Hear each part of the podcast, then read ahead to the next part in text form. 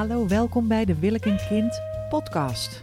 Mijn naam is Evelien de Jong en ik begeleid vrouwen die twijfelen over wel of niet een kind. En vandaag wil ik het met je hebben over vader worden. Want dat is nog eens een verfrissende gedachte. Niet de vraag: wil ik moeder worden? Maar jezelf de vraag stellen: hmm, zou ik misschien vader willen worden? En uh, dat is mijn thema voor deze moederdag. Mogen we alsjeblieft als moeders uh, allemaal vader worden? En ik denk ook dat vrouwen die twijfelen aan het moederschap er baat bij hebben om zichzelf die vraag te stellen. Wil ik misschien niet liever vader worden? En um, ik heb een opiniestuk erover geschreven en dat komt in de Volkskrant. Daar ben ik heel gelukkig mee. En als deze podcast langer online staat, dan staat het dus al in de Volkskrant. En ik had daarvoor eigenlijk mijn gedachten geordend in een iets waarvan ik dacht, dit wordt een opiniestuk, maar het werd een heel lang cultuurwetenschappelijk artikel. Dus ik denk, hey, win-win, ik maak daar een podcast van. Dus ik ga jullie wat, wat meer meenemen in uh, de argumenten waarom ik denk dat het een interessante vraag is. Want wat is nou het verschil? Kijk, je kunt als vrouw natuurlijk helemaal niet fysiek vader worden. Ik, ik zeg niet dat we allemaal een snor moeten laten staan, met onze pik op tafel moeten slaan. Dat zeg ik niet.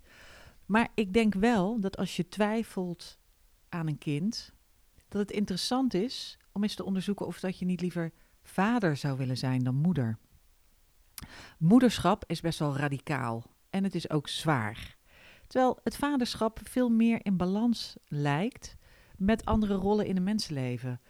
En uh, ik heb ook al eerder gesproken over het boek Soms wil ik een kind van Jantine Jongebloed. En die onderzoekt haar twijfel aan het moederschap heel uitgebreid. Ik heb haar begeleid. Ik ben de kinderwenscoach Carina. Het het eerst van mijn leven dat Carina heet. In dat boek. En in het boek zit ook het moment dat ik haar die vraag stel. En um, ook zij antwoordt, desgevraagd, het is wel een interessante optie. Vaderschap zou me wel aanspreken. En als je lang nadenkt over kinderen krijgen, en je kijkt er kritisch naar, dan is vaderschap gewoon de aantrekkelijkere optie. Als, het, als je mag kiezen op welke van de posities je gaat staan als je uh, voor het ouderschap kan kiezen. Ik uh, heb in dit uh, wat langere artikel vijf verschillende redenen um, onderzocht waarom ik denk dat vaderschap twijfelende vrouwen meer aanspreekt en mama worden niet. Allereerst heb je natuurlijk zelf ervaringen als dochter van een moeder. En het leven van je eigen moeder heb je onbewust misschien ook als zwaar geregistreerd. Of misschien was je moeder moe. Of was, stond ze, was, zoals wij in Brabant zeggen, stond ze af en toe een beetje kort in de kar. dat uh, komt denk ik uit de paardensport. Um, Eh, en dat is weer een ander boek. Ik ben ook van de boeken. Uh, en ik heb het hier voor me liggen. Susanna Jansen schreef De Omwenteling, de Eeuw van de Vrouw. En ik vond het zelf een heel interessant boek, omdat ze laat zien hoe, hoe klein en beperkt en hoe eng de ruimte was van vrouwen in de vorige eeuw. Zeker als ze moeder werden. Want in de vorige eeuw moest je dan nog stoppen met werken niet mijn moeder, maar mijn moeders moeder wel. En uh, mijn moeder was net de eerste generatie die wel nog getrouwd mocht zijn, kinderen mocht hebben en dan toch nog een baan mocht hebben. Maar dat is dus nog niet zo heel lang anders geworden. En um, nu mag je dus wel een baan hebben, maar krijg je nog steeds structureel minder betaald voor hetzelfde werk.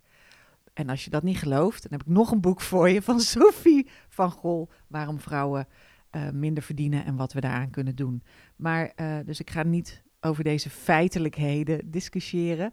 Maar um, dat boek van Suzanne Jansen, Jansen maakt heel concreet en invoelbaar hoe zwaar het leven van een, van een moeder eigenlijk is. Het is een eindeloze lijst huishoudelijke taken. Het is financiële afhankelijkheid. Dus de overheid blijft maar roepen: je moet financieel onafhankelijk zijn en tegelijkertijd geen enkele oplossing aandragen voor kinderopvang of voor uh, de continue mantelzorg en uh, um, alles wat vrouwen er nog naast moeten doen. En eigenlijk, wat je dus, als je dat boek leest, dan zie je dat vrouwen in de vorige eeuw, moeders in de vorige eeuw, helemaal geen eigen tijd en ruimte hadden voor een eigen leven.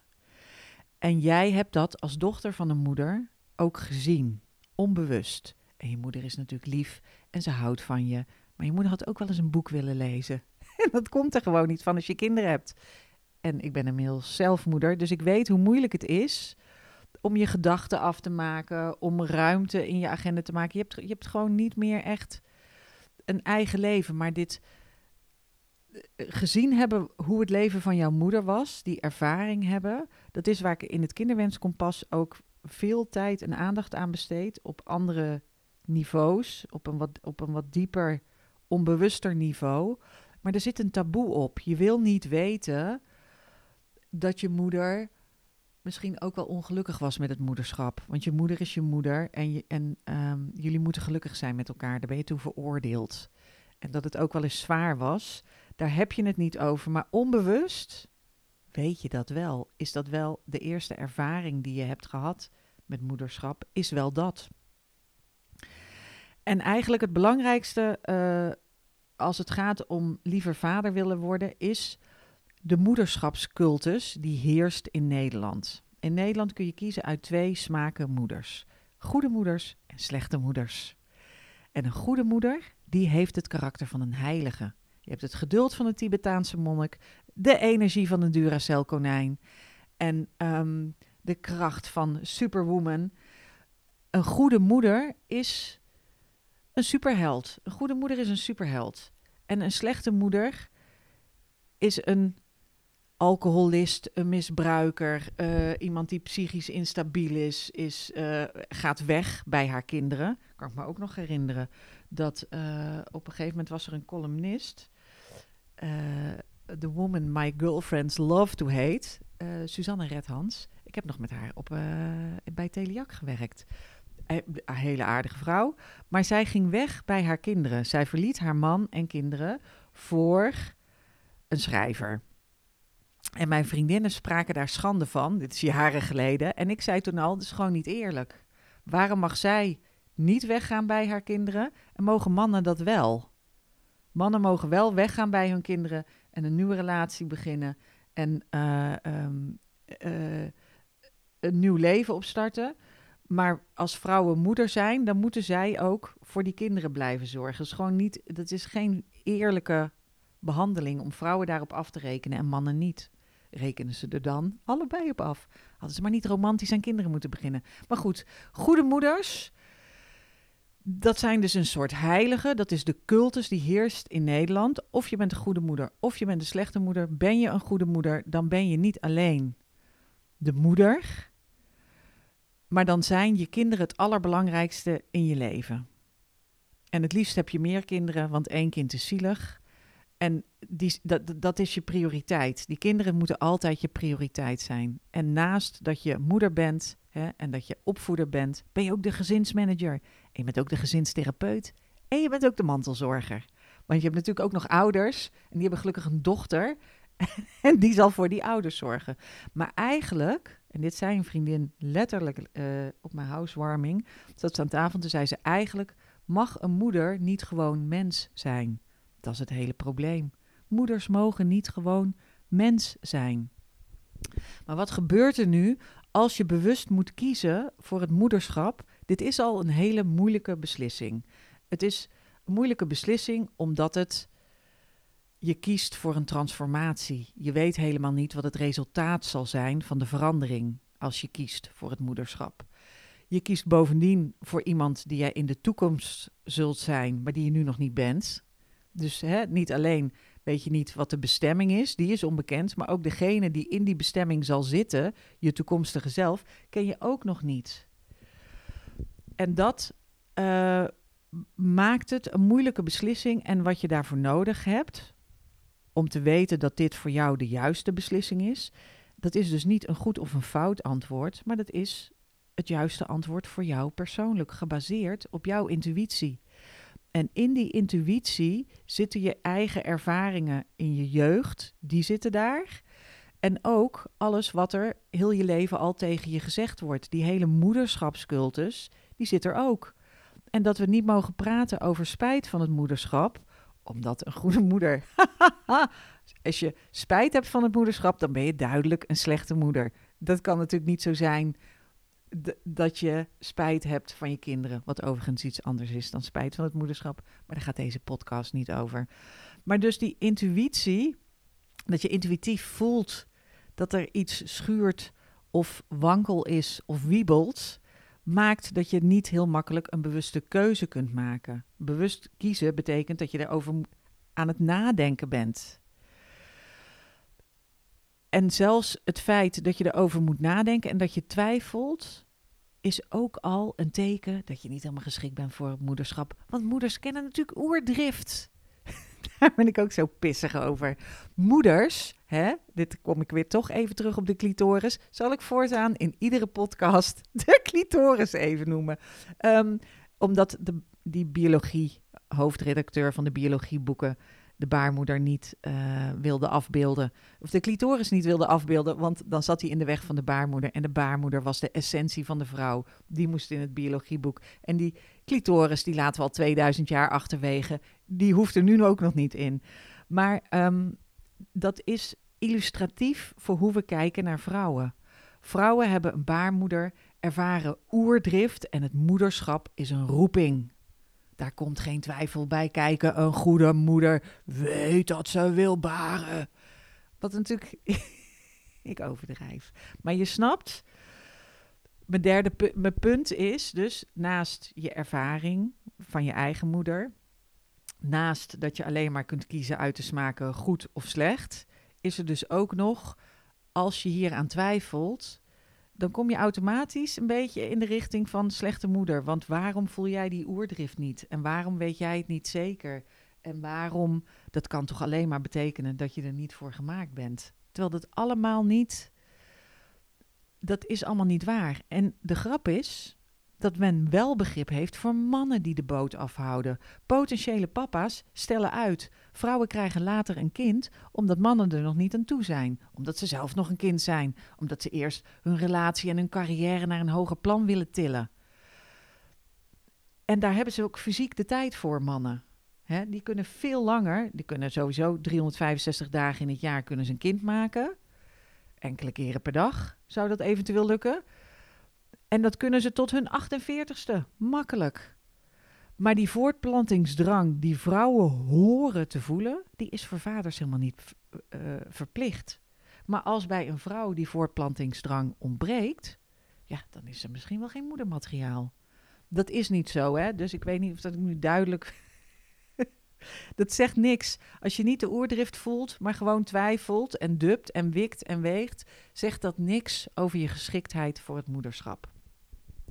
Maar die twijfel is dus wel een derde reden om te denken: kon ik maar vader zijn? Dan mocht ik gewoon twijfelen. En dan mocht ik zeggen: ja, maar ik wil eerst nog carrière maken. Ik wil eerst nog een sportschool opstarten of een, of een sportauto uh, uh, in bezit verwerven. Of ik wil eerst nog een wereldreis maken. Maar als vrouwen dat doen, ja, dan, uh, dan, dan hebben ze niet de oerdrift, dan hebben ze niet de roeping. Dan vragen we ons af: zouden dit wel goede moeders kunnen worden? Als ze zoveel lopen te twijfelen. Nou, uh, en dat resulteert in dat heel veel vrouwen uh, uiteindelijk geen moeder worden. Wat oké is, als je daarvoor kiest. Vrouwen weten ook donders goed uh, dat moederschap je knaken kost. Even over de pecunia. De vierde reden om vaderschap te prefereren boven moederschap is geld. Want er is nog steeds sprake van een babyboete voor vrouwen en een babybonus voor mannen. Zodra er een kind komt, ziet men op de werkvloer de vader binnenwandelen en denkt: aha, hier komt een verantwoordelijke kundige professional. Hier hebben we een man, daar kunnen we op bouwen, stabiele basis. Is er een moeder die de werkvloer op komt, dan ben jij niet de prioriteit. De prioriteit van de moeder ligt bij haar kinderen. Hoort ze eigenlijk wel te werken? Voor geld bedoel ik, hè? Hoort ze eigenlijk wel te werken voor geld? Hoort ze niet thuis te zitten en te zorgen voor de kinderen? En kan ze de kinderopvang wel betalen? Of moet ik haar meer gaan betalen? Kan ik niet beter een vader in dienst nemen in plaats van een moeder? Vrouwen weten, alle vrouwen weten, dat moeders meer onbetaald werk doen en ook meer minder betaald werk doen dan mannen. En alle vrouwen die nadenken over het moederschap, die voorzien dat hun carrière daaronder zal lijden. En wat doet de overheid? Nou, het empathisch vermogen van Mark Rutte voor de gemiddelde moeder. Niet nul. Zwart gat, negatief.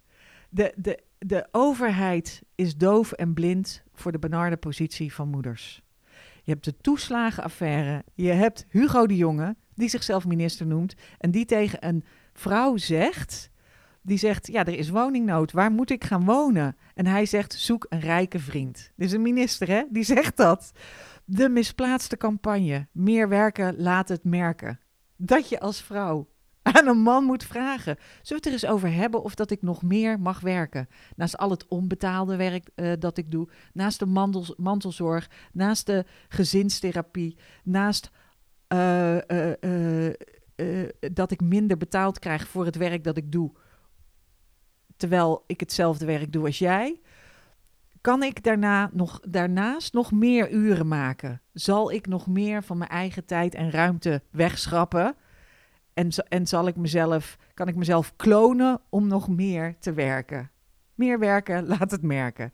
En dan, er komt er natuurlijk gratis kinderopvang. Oh nee, toch niet. Dit zijn allemaal dingen die eraan bijdragen dat als je erover nadenkt, dat je denkt, tja, moeder worden.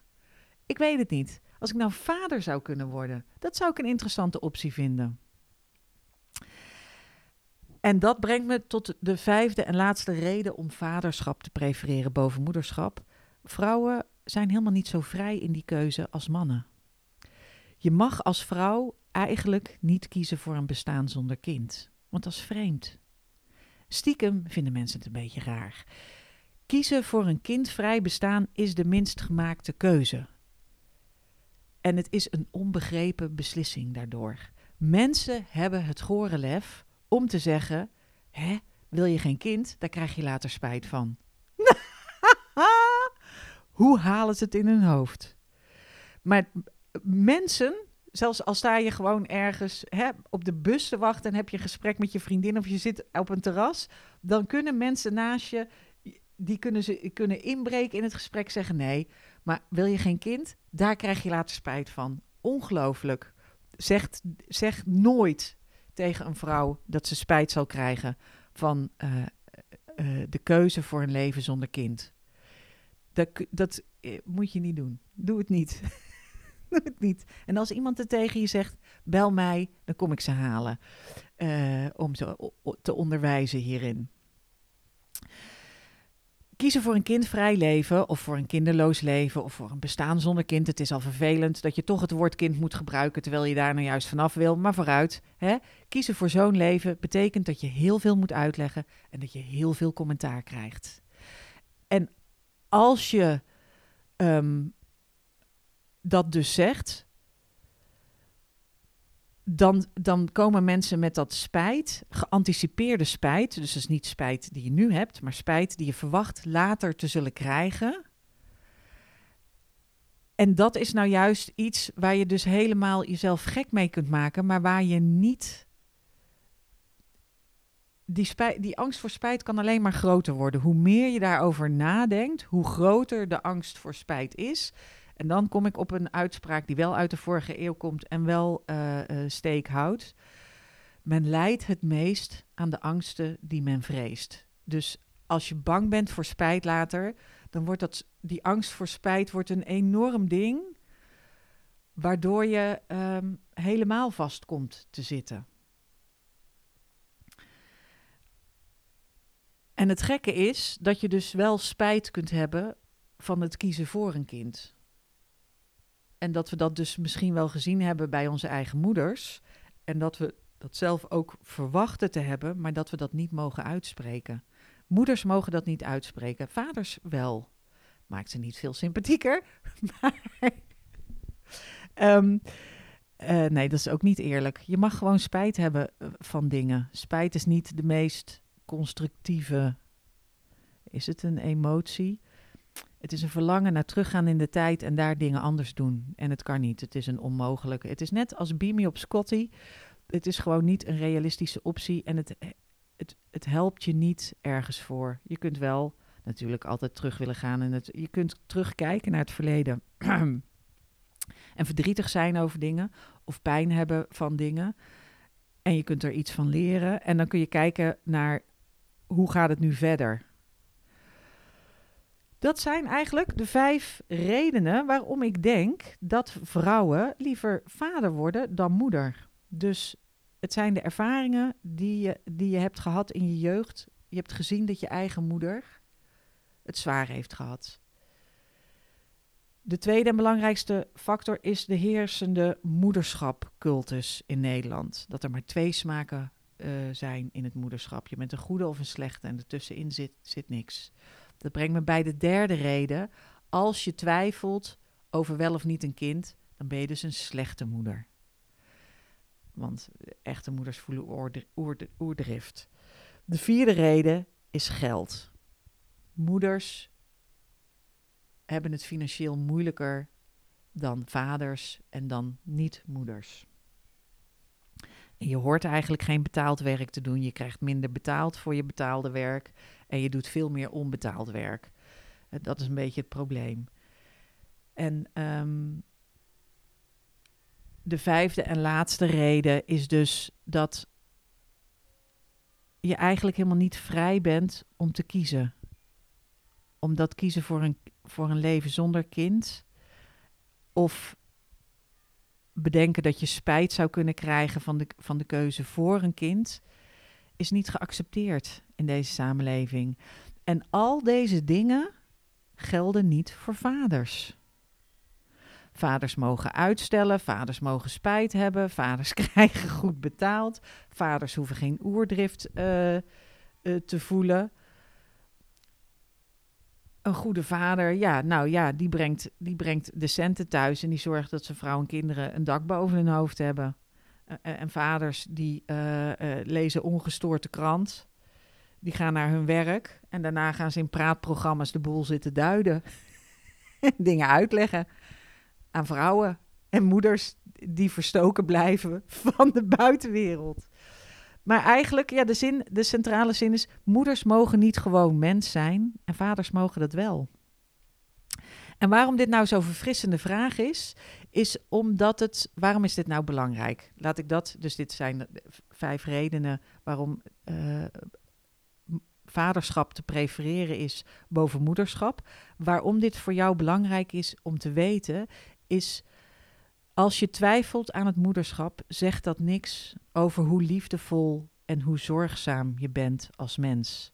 Het zegt niets over jouw kwaliteiten, over je nalatenschap, over um, dat je een lieve vrouw bent, over dat je um, uh, uh, al die, die kwaliteiten die we de goede moeders toedichten, die heb je gewoon. En het is niet omdat je twijfelt aan een kind. Je twijfelt eigenlijk niet aan een kind, je twijfelt aan het moederschap. Dat is wat anders dan twijfelen aan een kind. Het is voor vrouwen veel lastiger om te kiezen voor het moederschap dan het is voor mannen om te kiezen voor vaderschap. En voor sommigen is het, is het de keuze voor ouderschap. Als dat, het, als dat, als dat als moeder en vaderschap hetzelfde zou zijn, dan, dan zit je in de categorie: wil ik wel kiezen voor het ouderschap? Wat een veel prettigere categorie is om in te zitten. Dan gaat de twijfel over het hele fundamentele: wil ik wel een kind op deze wereld zetten en wil ik wel opvoeden en wil ik wel die verantwoordelijkheid dragen? Maar vrouwen worden, worden afgerekend op wil, op een vrij en autonoom leven willen behouden. En dan zou je dus niet lief zijn of niet zorgzaam of niet. Dat vind ik niet, hè? Maar dit is een beetje wat er, wat er stiekem gedacht wordt. Mensen zeggen dit ook niet. Maar het is wat er stiekem gedacht wordt. En dat is niet zo. Als mensen ooit tegen je zeggen, je bent een vrouw en mensen zeggen van, goh, had je niet een kind gewild of wil je niet een kind? Dan zeg je, ja, een kind vind ik interessant, maar alleen als ik de vader mag zijn. Nou, ik uh, wens iedereen hele fijne ouderschapsdagen. En tot de volgende podcast.